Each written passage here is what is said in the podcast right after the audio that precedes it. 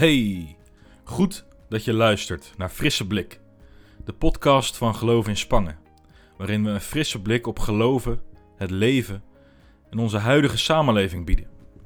We proberen te ontdekken hoe het verhaal van God, een verhaal van hoop, tweede kansen en nieuw leven ons kan helpen in ons eigen leven, waarin rekeningen betaald moeten worden, collega's niet altijd meewerken ons leven waarin de dingen soms heel goed en soms helemaal niet lukken.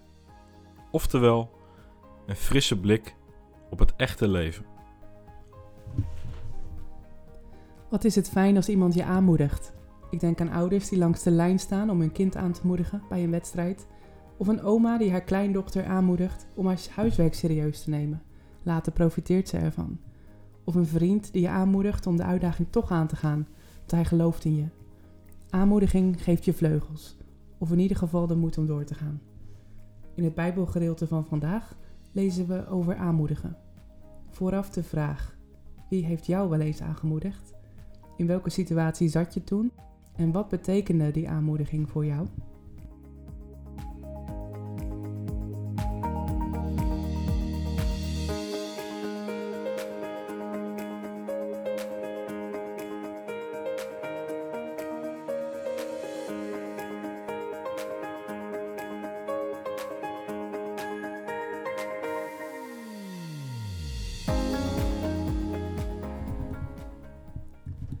Lezen uit Romeinen 15, vers 2 tot 7. Ieder van ons moet doen wat goed is voor de ander en wat de ander helpt. Ook Christus was niet bezig met wat goed was voor hemzelf. Hij deed alleen wat God wilde. Dit staat over hem in de heilige boeken. God, telkens als mensen u beledigen, doet mij dat pijn. Alles wat in de heilige boeken staat is al lang geleden opgeschreven voor ons. Het geeft ons uitleg over Gods plan zo geven de heilige boeken ons moed om vol te houden en om God te blijven vertrouwen. God zelf geeft ons moed en kracht om vol te houden. En ik bid dat God jullie zal helpen om het voorbeeld van Jezus Christus te volgen. Dan leren jullie om met elkaar mee te voelen, want dan zijn jullie een, een eenheid. En dan kunnen jullie samen de God en Vader van onze Heer Jezus Christus alle eer geven. Jullie moeten elkaar dus vol liefde accepteren, tot eer van God want ook Christus heeft jullie allemaal vol liefde geaccepteerd. Op NPO kun je momenteel het tv-programma Jouw schuld dat ik dik ben kijken. Britse jongeren met stevig overgewicht gaan de strijd aan om kilo's kwijt te raken. Ze doen dat niet alleen, maar hun hele familie moet meedoen. Om twee redenen. Meer dan eens heeft de aanleiding om te veel te gaan eten te maken met issues in de familie. En ten tweede kunnen ze alleen goed afvallen als de hele familie bereid is om solidair te zijn. Dus worden de koelkasten en keukenkastjes leeggehaald van alles wat niet gezond is. Ieder gezinslid krijgt een dieetplan. En de jongeren moet gaan sporten, samen met hun vader en of moeder. Tranen zijn er ook, als er confrontaties en eerlijke gesprekken plaatsvinden. Met elkaar lukt het vaak toch om af te vallen, gezonder te gaan leven en een fijnere sfeer in het gezin te krijgen. Ik moest aan dit programma denken bij dit Bijbelgedeelte. Want elke gelovige heeft de taak om andere gelovigen aan te moedigen, om te groeien in het volgen van Jezus. Luister nog maar eens naar vers 2. Ieder van ons moet doen wat goed is voor de ander en wat de ander helpt.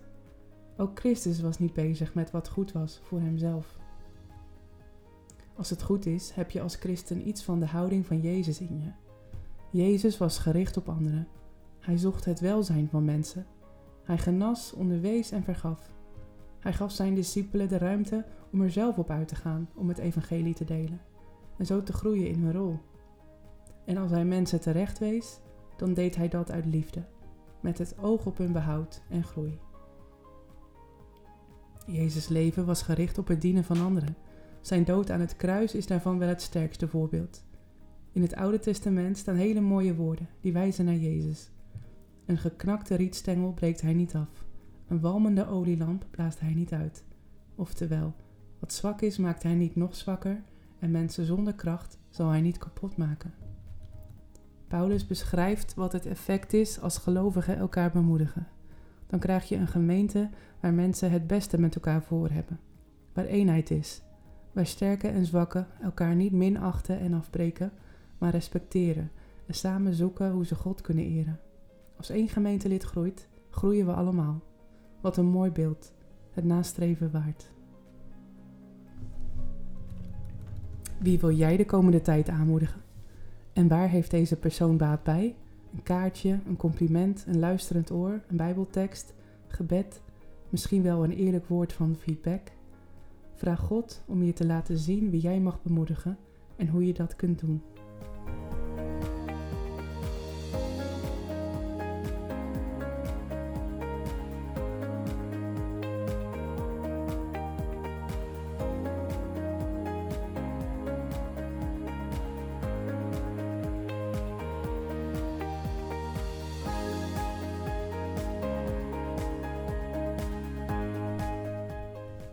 Tot slot een gebed.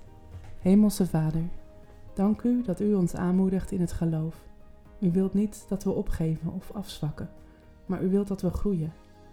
Wilt u ons helpen om aanmoedigers te zijn van anderen, om een positieve invloed in het leven van anderen te zijn, zodat zij mogen groeien als mens en als volgeling van u. Wees ons deze dag nabij. In Jezus' naam. Amen.